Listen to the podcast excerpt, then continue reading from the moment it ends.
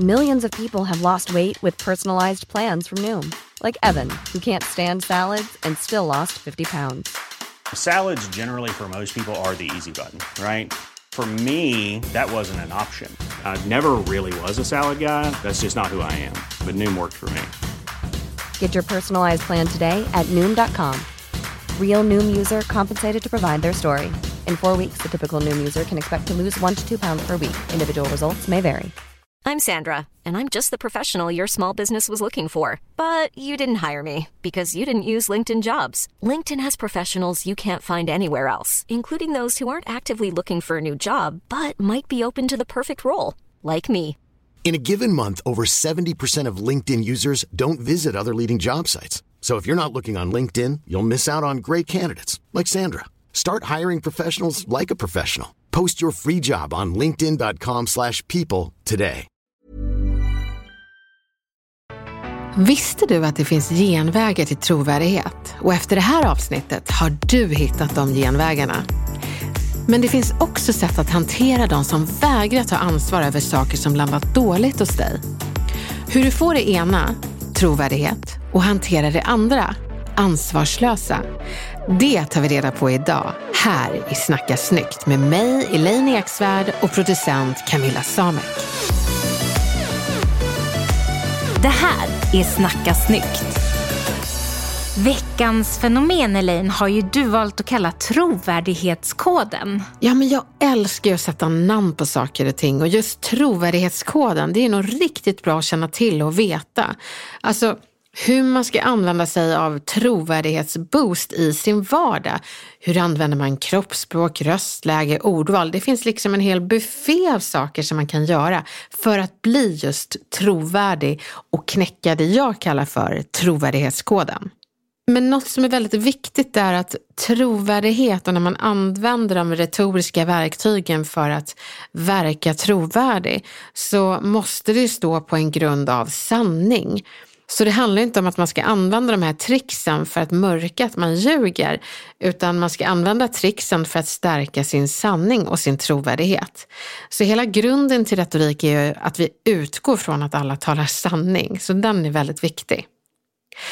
Och så finns det saker som folk gör som gör att vi lyssnar på dem och känner att det här inte bara är sannolikt utan det också är sant. Det är små hemligheter för att bli trovärdig och du kan göra samma sak som det här trovärdiga folket gör. Och för att ta dig dit så finns det några saker du behöver ha som checklista och sen så också en skräll som jag kommer gå in på lite djupare senare i avsnittet. Nu till den första punkten på checklistan för att knäcka trovärdighetskoden i din vardag. En person som har pondus har ögonkontakt med alla i sammanhanget. Hon får varenda person att känna att de är de enda hon pratar med trots att det kanske är ett helt fullsatt rum. Hon sveper inte med blicken över alla utan hon fäster blicken på en i taget och vågar dessutom dröja kvar en stund bara för att försäkra sig om att orden hon sa sjönk in hos den hon just tittade på. Ögonkontakt är verkligen A och O när man ska signalera trovärdighet. För den kontakten säger, det här jag säger är för dig. Nej, men alltså, jag måste bara fråga här. Alltså, hur vet man när det är läge att fästa blicken på det där sättet? För nu, det här blir en jättekonstig liknelse, jag vet. Men jag kollar just nu på serien Knutby. Och, eh, och där ser man väldigt mycket av den här typen av blickar som dröjer sig kvar i varenda en person i rummet när de predikar och vill övertyga andra om, om vad som är rätt och så. Och det där kan ju bli lite läskigt till och med, tänker jag. Men men finns det något knep för när det här faktiskt funkar och är bra? Så att det inte blir att man överdriver? Alltså det här är så roligt Camilla, att du drar liknelsen till Knutby. För jag måste ju faktiskt bli lite, lite religiöst biktande här och berätta att jag har ju varit med i en pingstkyrka. Jag kanske till och med har nämnt det någon gång förut. Och men det jag inte har berättat det, det, är nog att jag har hämtat en hel del inspiration från Pingstkyrkan. Vad det gäller, alltså i mina föreläsningar. Jag kommer ihåg att pastorerna, de, de fäster blicken i oss alla. Och eh, sen så körde de den här, vänd dig till din granne och säg eh, Jesus älskar dig. Och då, blir, då fick man liksom den eh, uppmaningen så nära en. Så jag kör ju också vänder till din granne på mina retorikutbildningar och presentationsteknikutbildningar. Men jag säger ju inte Jesus älskar dig utan jag säger vänder till grannen och säg det här tycker jag är viktigt och så sänker du rösten i slutet av meningen. Så de får ju så här retoriska övningar så jag kopierar formen men jag tar ju bort religionen. Och då tänker jag bara att, att eh, det där får inte bli för överdrivet heller. Nej, för att dröjer du kvar blicken lite för många sekunder, då blir det här att man skickar signalen av att ska vi hångla eller ska vi bråka? Så det kan ju bli lite väl intimt eller hotfullt. Så det räcker med att man liksom bara tittar kanske två, tre sekunder och dröjer kvar och sen tittar på nästa. Men jag tycker det, det är så roligt. Och det här är ju ingenting, det har inte så mycket med religion att göra utan den här sortens retorik där man tittar på folk och dröjer kvar med blicken. Jag hade senaste dagen en föreläsning för 980 stycken extroverta säljare. Och eh, så var det en föreläsare som ställde sig upp på scen och pekade på på eh, folk i publiken och bara du kan sälja och du kan sälja och vänd dig till grannen och gör en high five. Och jag säger, det är ingen skillnad mellan dem och pingstvänner. Så det, det, det handlar inte om religionen utan det är en jargong där det blir lite så här, lite sektartat. Att eh, uh, man, man, är där i sin flock. Jag tycker samma sak på fotbollsmatcher och huliganer, de vänder sig till varandra och sjunger. Ja, det, det är någon fin gemenskap där. Eh, och vissa tycker det är jättekul att dansa med och krama den som står bredvid medan vi andra vill krypa ner i fosterställning och gömmas under stolarna. Men, eh, så jag tycker man kan ta delar av den här retoriken och du ska gärna fästa blicken i folk, inte svepa med ögonen över. Men precis som du säger Camilla, någon måtta får det vara. Går det över liksom fem, sju sekunder, då, då blir det lite här, vill du hångla med mig eller säger du att vi ska in i slagsmål? Så det ska man undvika. Det var ju lite spot om det här med pingstkyrkan. Att du ändå har tagit en del Gud, ja. därifrån som inspiration. Jajamän. Det, det, jag tror inte alla vet det, hur mycket som kommer, alltså inspiration från pingstpastorer. De är otroligt bra talare. Det är helt, om jag skulle be någon att eh, studera retoriken och bra talare, kolla in pingstpastorer. Skulle man ta bort Gud eller religion och lägga in eh, Volvo, Saab, eh, dammsugare. Alltså de skulle kunna sälja vad som helst. Så att de är bra på att sälja in sitt budskap. Och trovärdiga. Och trovärdiga. Sen behöver man inte hålla med. Men vi tittar ju inte på vad de säger utan formen för hur de säger det. Men nu är jag så nyfiken, vad ska jag göra sen då för att bli trovärdig? Jo, du ska gå ner i ton i slutet av meningarna. Gör du det så låter det som att det du säger är sant och riktigt. Men det är också jätteviktigt att det man säger harmoniserar melodiskt med det du pratar om. Pratar du till exempel siffror så kan du låta faktamässig. Men för att få folk att lyssna engagerat på till exempel en livshistoria så bör ju den här faktarösten ändras till inlevelse till det du pratar om. Så att man inte säger när jag växte upp bodde jag två kilometer från centrum och nu ska jag prata om någonting annat. Det blir liksom, nyhetsuppläsarrösten blir inte trovärdig när du pratar livsupplevelser. Men när det gäller trovärdighet så är det två röstlägen som jag vill att du betänker för din trovärdighet. Och det är för det första att gå ner i ton i slutet av meningarna och sen spegla tempot med den du pratar med. Så om det är någon som pratar lite snabbare, möt den hastigheten istället för att demonstrativt sakta ner. För då gör det personen bara mer stressad. Så spegla tempot och gå ner i ton i slutet av meningen. Om jag då tycker att någon pratar väldigt långsamt och vill vara trovärdig och lite grann övertyga, mm. blir det konstigt om jag pratar mycket snabbare då? Ja, det blir ju att du inte riktigt känner in läget. Så... Uh, man, det misstaget kan jag ha gjort några gånger i mitt liv. Ja. Ibland vill man ju bara be dem att nu får du för fan gasa på här. Men det kan man inte säga. Alltså, retorik är konsten att övertyga och få folk att vilja lyssna. Inte konsten att, att liksom uppfostra folk i hur de pratar. Så eh, ja, nej men, men det kan vara bra att veta för alla som pratar långsamt att det kan stressa folk till att prata ännu snabbare. Och vice versa. Nej men jag har ju gjort samma sak. Alltså, jag tror jag berättade det om när jag var med i något nyhetsprogram eh, och det var en statsvetare som pratade jättelångsamt. Så jag började kompensera hans långsamma prat genom att prata som en sportkommentator. Ehm, men det, det lät ju som att jag gick på droger. Eh, och sen så hade vi en chans veckan därpå och då fick jag ordet först och då tänkte jag, nej nu jävlar, nu ska jag köra en retorisk manspread och bara, det är tre saker jag vill ta upp. Och då stressade mitt långsamma prat honom, så han började prata som en sportkommentator. Så för att få med oss folk att vara trovärdig så är tempot, det är ingenting folk tänker på. Men tempot påverkar ju pulsen hos den som lyssnar. Så se till att vara i samma nivå som den du vill övertyga. Och sen kan du ta dem till din destination och kanske prata lite snabbare. Men växla upp en växel i taget så att du inte kör gasen i botten direkt och kanske får motorstopp. Nästa steg är att ha rak rygg och stadigt kroppsspråk. När du räcker upp handen för att du kanske har en fråga i sammanhanget, räck aldrig upp handen ursäktande som att du nästan vore rädd för din hand.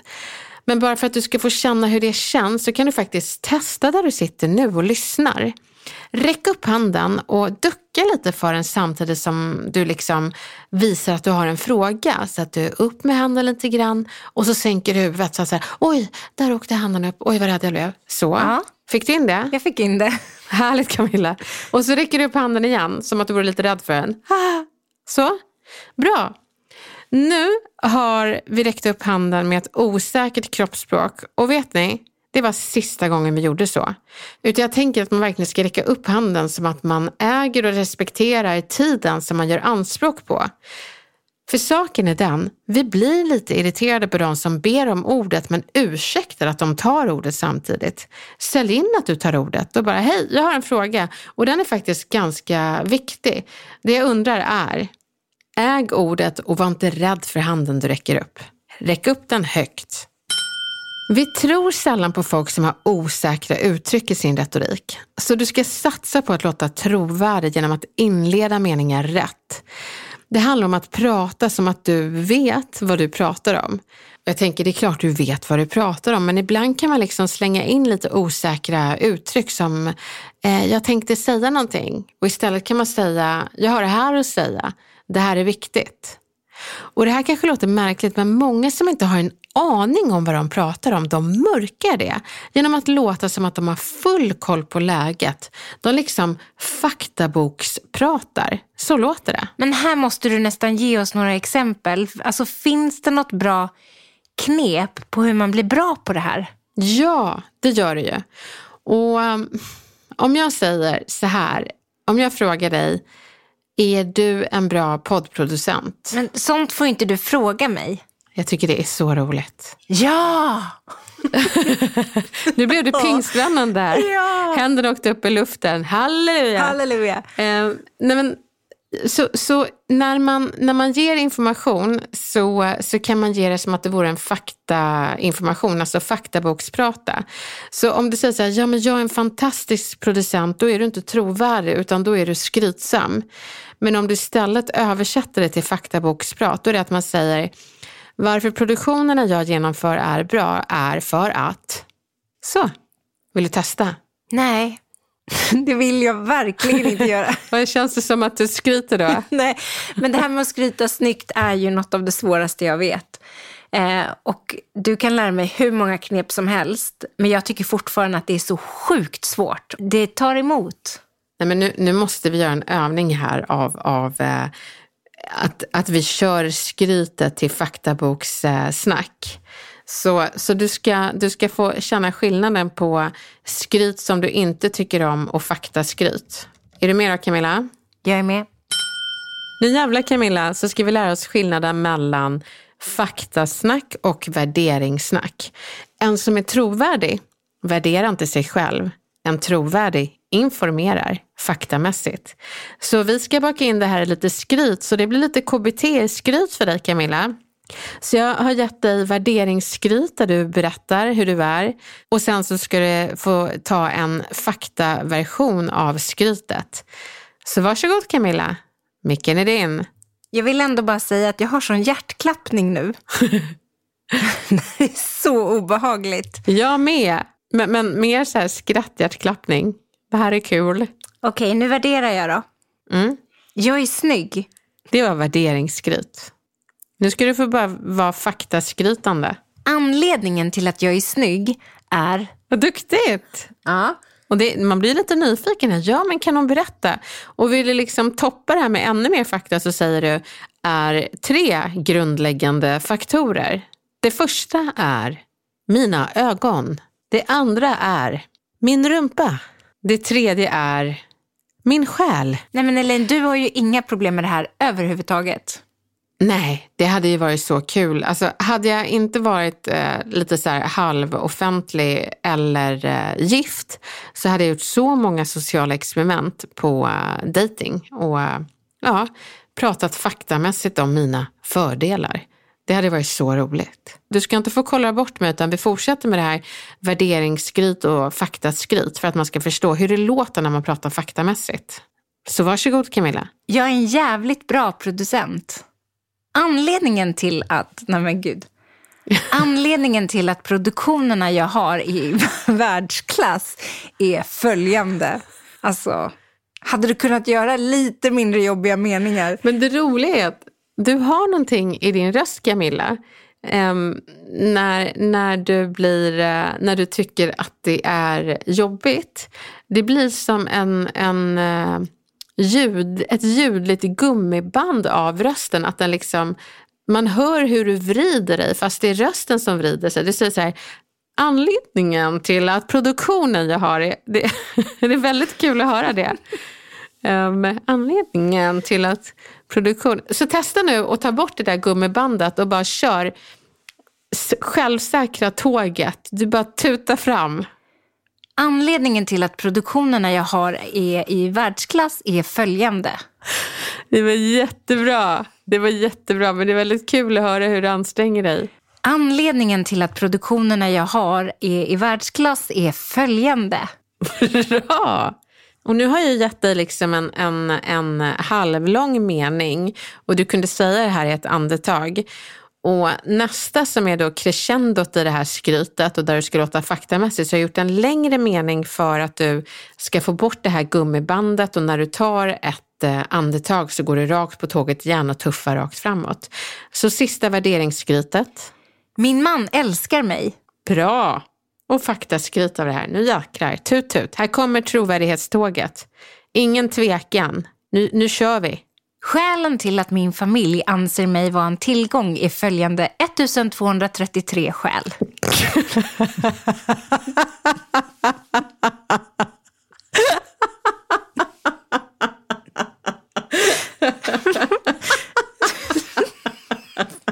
Vad var det som var så kul nu? Det enda jag ångrar är att jag inte gjort en ännu längre mening. Det är jättebra Camilla. Så himla bra.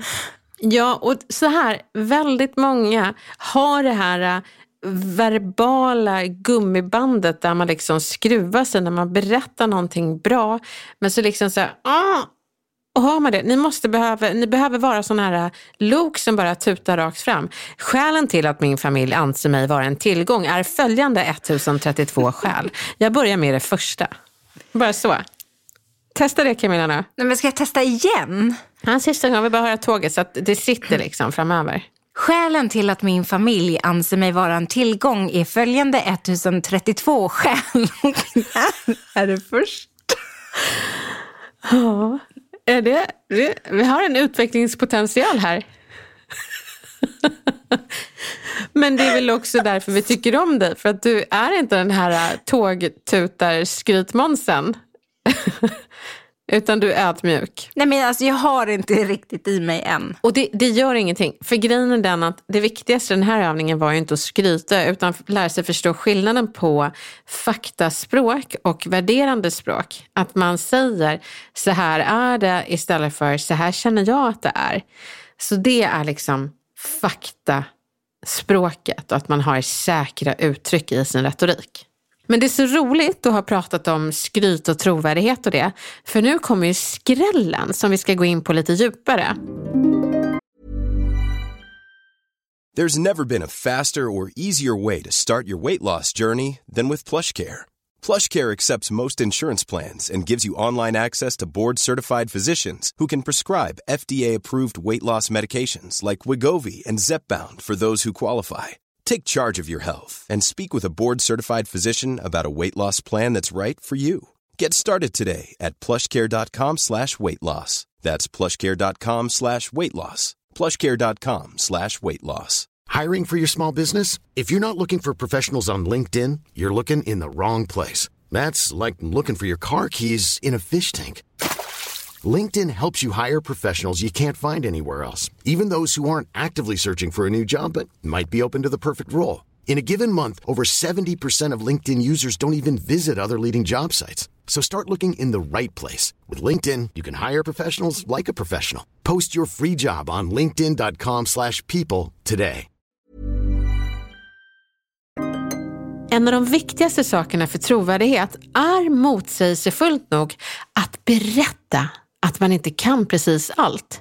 Vi beundrar folk som vågar vara tydliga med vad de kan och inte kan. Det gäller bara att ha en balans så det inte väger tyngre på att marknadsföra allt du inte kan.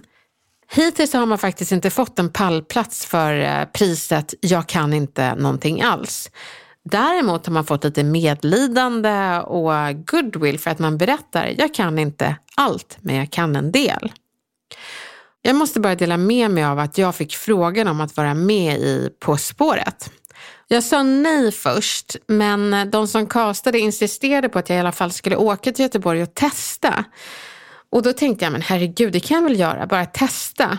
Men jag förvarnade dem och sa att jag kommer inte vara stjärnan. Alltså inte ens en ståtlig rymdsten i jämförelse med de stjärnor som skulle delta från offentlighetens universum. Och jag berättade att jag har uruselt lokalsinne och jag knappt vet hur jag åker norr eller söderut åt alla destinationer jag kommer till när jag föreläser. Och det gör ju inte saken bättre när man ska vara med i På spåret. Och missförstå mig rätt, det har inte med att göra att jag är en arrogant stockholmare. Jag har koll på kullerstenarna i Lund och jag förstår mörkläggningsgardinerna när jag föreläser sommartider i Pajala. Väl i olika städer så vet jag massor om varje stad. Men för mig är det liksom skilda pussel och jag får inte ihop Sverigepusslet i min hjärna. Jag har som en sån här, om man snackar dyslexi så har jag nog geografilyxi. Hur som helst så satt jag i alla fall där i båset tillsammans med en annan person som kunde svara på orimligt många frågor. Alltså han fick inte mig att se bra ut direkt. Och det var inte förrän den här frågan om vem som var rektor i The Simpsons som jag lite väl överentusiastiskt kastade mig över den röda knappen och hjält och överexalterat skrek Principal Skinner! Det var den enda frågan av alla frågor som mätte min allmänbildning. Och eh, det är ju någonting som står ganska högt i kurs och i anseende i Sverige. Och min aktie är inte så hög i allmänbildning. Och jag minns Camilla att Elisabeth Höglund, hon var en av dem som var där för provspelningen. Ah. En respekterad allmänbildad journalist. Hon har ju till och med vunnit På spåret. Och hon tittade lite nöjt på alla oss som liksom kandiderade till På spåret. Och så sa hon, medan hon tittade på oss, att jag tror vi är särskilt uttagna för att vi är ett särskilt begåvat gäng. Och det sa hon med sitt röda läppstift och log. Och jag måste säga att det var nog en av de snällaste komplimangerna jag har fått som jag absolut inte förtjänade. Men jag lät hennes komplimang hänga i luften så alla kunde ta in den. Och sen sa jag, du smickrar mig Elisabeth, men jag lyckades svara på en av alla frågor där inne. Och det var frågan om vem som var rektor i The Simpsons. Jag är inte allmänbildad, jag är nog mer nischbildad. Och då log alla de här deltagarna sånt här snällt och lite medlidande leende. Och Elisabeth, hon var ju så snäll, hon protesterade och sa, men du kan ju massor Elaine. Och jag svarade, det har du rätt i. Jag kan massor om retorik. Och jag åkte lättad hem på tåget från Göteborg som jag lämnade med orden tack men nej tack till medverkan. Men det jag gjorde, det är något du också kan göra för din trovärdighet. Erkänn att du inte kan för att avsluta med att fronta det du faktiskt kan. Låt andra äga sin trovärdighet och så kan du äga din.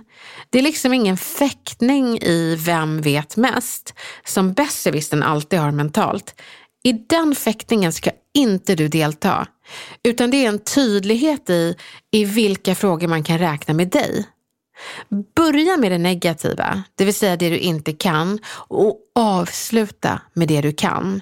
För det du avslutar med, det blir ju hela eftersmaken av det du sa. Och eftersmaken blir att du är smart. Så du blir i samma mening mänsklig och trovärdig. Den dispositionen den är ganska svår att motstå, för man blir imponerad av dig som person, att du är så mänsklig, men också imponerad av dig i din kunskap. Så här är några exempel på sådana meningar. Jag kan inget om färger så be mig inte välja tyg till din soffa. Men visa mig en form och jag snickrar ihop den utan problem. Nej, du har rätt, jag har inte livserfarenhet. Däremot har jag disputerat i psykologi. Nej, jag är inte allmänbildad. Däremot är jag nischbildad i retorik. Fråga mig vad du vill om kommunikation. Du har rätt, jag är man och jag vet inte hur det är att vara kvinna. Men hela min barndom såg jag min ensamstående mamma kämpa för kvinnors rättigheter och det är för henne jag talar nu.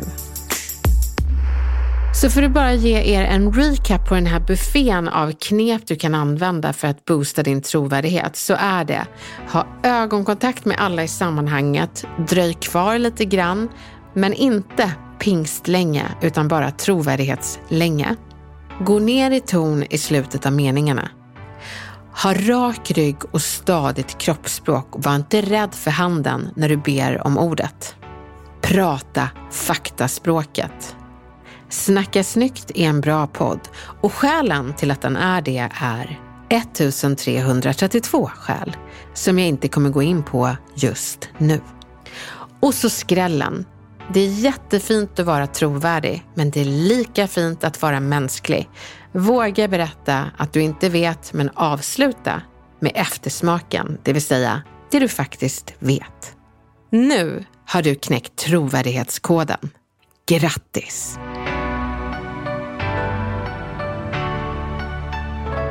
Veckans kommunikationsutmaning kommer ifrån ett mejl som vi har fått i Snacka snyggt. Så spännande. Ja, jag läser. Jag har ett dilemma som jag verkligen skulle vilja få svar på. Jag lånade ett uttryck från er podd i ett jättekonfliktfullt samtal idag på jobbet. Jag sa nämligen, det landade så hos mig. Jag fick det arga svaret, då får du jobba på att det landar annorlunda. Men det kan jag ju inte göra. Jag har ju rätt till mina känslor och jag känner mig sårad. Den här kollegan får mig och andra kollegor att må jättedåligt och det är den ständiga källan till konflikter i vår arbetsgrupp på fyra personer. Hur ska man svara på ett sånt här bemötande? Att jag måste jobba på att det ska landa annorlunda? Återigen, supertack för er. Ni är grymma. Åh, oh, vad jobbigt. Och eh, gud, jag känner verkligen med dig och tack för att du skriver till oss. Jag vet att vi ofta pratar om att man ska berätta hur saker och ting har landat och jag är så glad att du vågade stå på dig och säga den här meningen. För den är så himla bra. Och därför blir det så jobbigt att du råkar ut för den här typen av respons. Men också så intressant. Det är alltid svårt när folk utanför ger dig skulden för dina känslor och dina reaktioner och samtidigt vägrar ta ansvar för att våra reaktioner kanske är en konsekvens av det de sa. Det är som att de skriker stjärnstopp eller tillbaka kaka. Så jag tycker att vi testar några varianter på den här landningsdialogen. Så Camilla, jag tänker att eh, du får säga det här landade inte så bra hos mig. Och så kommer jag vara den här jobbiga typen som tycker att du har fel på din landningsbana. Och så ska du få svara på en rak variant. Ska vi köra? Vi kör. Det där landade inte så bra hos mig. Ja, fast då får du jobba på att det landar annorlunda i fortsättningen. Nej, du får jobba på att säga saker annorlunda. Mm. Där har vi den raka varianten. Så då tar vi liksom inte ansvar för landningsbanan utan på att eh, orden kraschlandade. Din dumma pilot. Så säger vi inte, men så kan vi tänka. Och så tar vi den psykologiska varianten. Det där landade inte så bra hos mig. Då får du jobba på hur det landar annorlunda. Eh, berätta mer, hur menar du? Precis. Här tvingar du mig att utveckla någonting som jag har sagt som är ganska ogenomtänkt. Så låt personen utveckla det där som de har skrynklat ihop och kastat hos dig. Och de kommer märka att det där var nog inte så schysst sagt. Så psykologiska varianten är faktiskt väldigt bra. Nu ska vi testa den utfrågande varianten. Det landade inte så bra hos mig. Då får du jobba på hur det landar annorlunda. Jag vet inte hur man gör. Kan inte du berätta hur man jobbar med att få saker att landa annorlunda då det landar illa? Ja, och här låter du väldigt bra Camilla, för det är väldigt viktigt att man inte låter ironisk när man säger det här, utan att man faktiskt är genuint nyfiken. För om någon säger, då får du jobba på att det landar annorlunda nästa gång. Det är ett jättekonstigt påstående och har man själv ingen aning och personen föreslår att man ska göra det, då kan man faktiskt fråga, men, men hur gör du? Jag har ingen aning, berätta mer. Men blir det som en retorisk fråga eller, eller blir det nyfiket? Man tycker att personen är en idiot som säger att, att, att man ska jobba på att det ska landa annorlunda. Ja, det tycker man. Det kan ju hända att det skiner igenom. det finns ju sätt att be folk att dra åt helvete på ett sätt att de, de liksom, utan att man säger det. Men, men eh, jag, jag, tycker bara om någon ger ett korkat förslag så kan man spegla det genom att säga jag vet inte hur man går den här korkade stigen men vill du visa vägen? Så. Så det blir lite att man speglar situationen. Så man behöver inte vara så långrandig. Vi kan ta en kort variant. Så om, om någon säger då får du jobba på att det landar annorlunda. Då får man säga, vet du jag har ingen aning om hur man gör det. Men du får gärna lära mig. Berätta. Hur, hur gör du när saker landar fel? Då kanske personen tittar på en och suckar. Men då har du gjort din poäng på ett snyggt sätt. För att svara på din fråga så behöver du aldrig ta ansvar för hur andra personer säger saker till dig. Däremot har du ansvar för att berätta om det landade dåligt. De andra får ta eget ansvar för vad de säger och hur de säger det. Det är liksom en viktig skillnad att, visa på. Och nu hoppas jag verkligen att du känner att du har verktyg och lite svar på tal för att hantera den här typen av kommentarer som kommer från de här ansvarslösa personerna. Och så hoppas jag även att du känner dig lite starkare i att den andra parten faktiskt har ett stort ansvar för vad de säger och hur de säger det. Och att du vet att du har all rätt att påpeka det. Vi önskar dig ett stort lycka till. Vad fan säger man? Då var det dags att dra en lapp igen, Elaine. Jajamän. Vad fan säger man? Så roligt att ni skickar så många exempel på problem. Så nu drar jag en. Tjenare! Jag har ett problem som ni gärna får snacka om. Hur hanterar man de som alltid spoilar saker? Filmer, böcker och så vidare. Jag är gärna anonym. Förlåt att jag skrattar, men det var så roligt. Det var en sån oladdad fråga. Men det var härligt att man ville vara anonym. Men det kanske, det kanske är en laddad fråga. Har man en sån där jävel som avslöjar precis allt, då blir det ju jobbigt. De här människorna gör mig vansinnig. Ja, mig med. Det får man, inte, man får inte spoila. Nej. Och det här kan jag tycka är lite jobbigt med Instagram. Och så har man kanske, man ligger efter och man har inte sett ett avsnitt av någonting. Och sen så bara är det någon som lägger upp vad som har hänt. Alltså jag blir tokig. Jag med. Så vad säger man då? När någon håller på och spoilar sådär? Nej men jag tänker att man är ganska krass och man behöver inte vara så långrandig utan svaret på, ja vad fan säger man när någon spoilar saker? Man säger sluta spoila saker. Punkt. Och jag tycker inte vi behöver vara så himla psykologiskt snälla hela tiden. Kan man inte bara säga sluta? Snälla. För ibland, jag tror att ibland kan man vara lite djuppsykologisk och sådär. Men när det kommer till spoilers, det är så, så grunt. Eh, det är inget så här djuppsykologiskt problem utan det är bara irriterande. Det är liksom man knäpper till lite som en mygga. Få bort problemet bara. Så. Det, det behövs inte mer. Så, sluta. Okej, Så. vi kör på det. Sluta spoila. Det blir inget bra. Jag blir ledsen. Ja. Ja, ni kan köra Camilla-metoden så kan ni köra min knapp i början. Äh, klapp i, lite hotfullt i luften. Sluta! Så. Där dödar du ju ingen mygga, där dödar du ju en elefant. Du är helt hysterisk. ja. Skitirriterad blir jag på det. Det är första gången jag blir arg. Tar illa upp liksom. Jag har varit förstående hittills, men det här jävla spoiler, det sitter djupt. Du, ska jag berätta vad som händer i sista avsnittet av... Uh... Nej! Nej!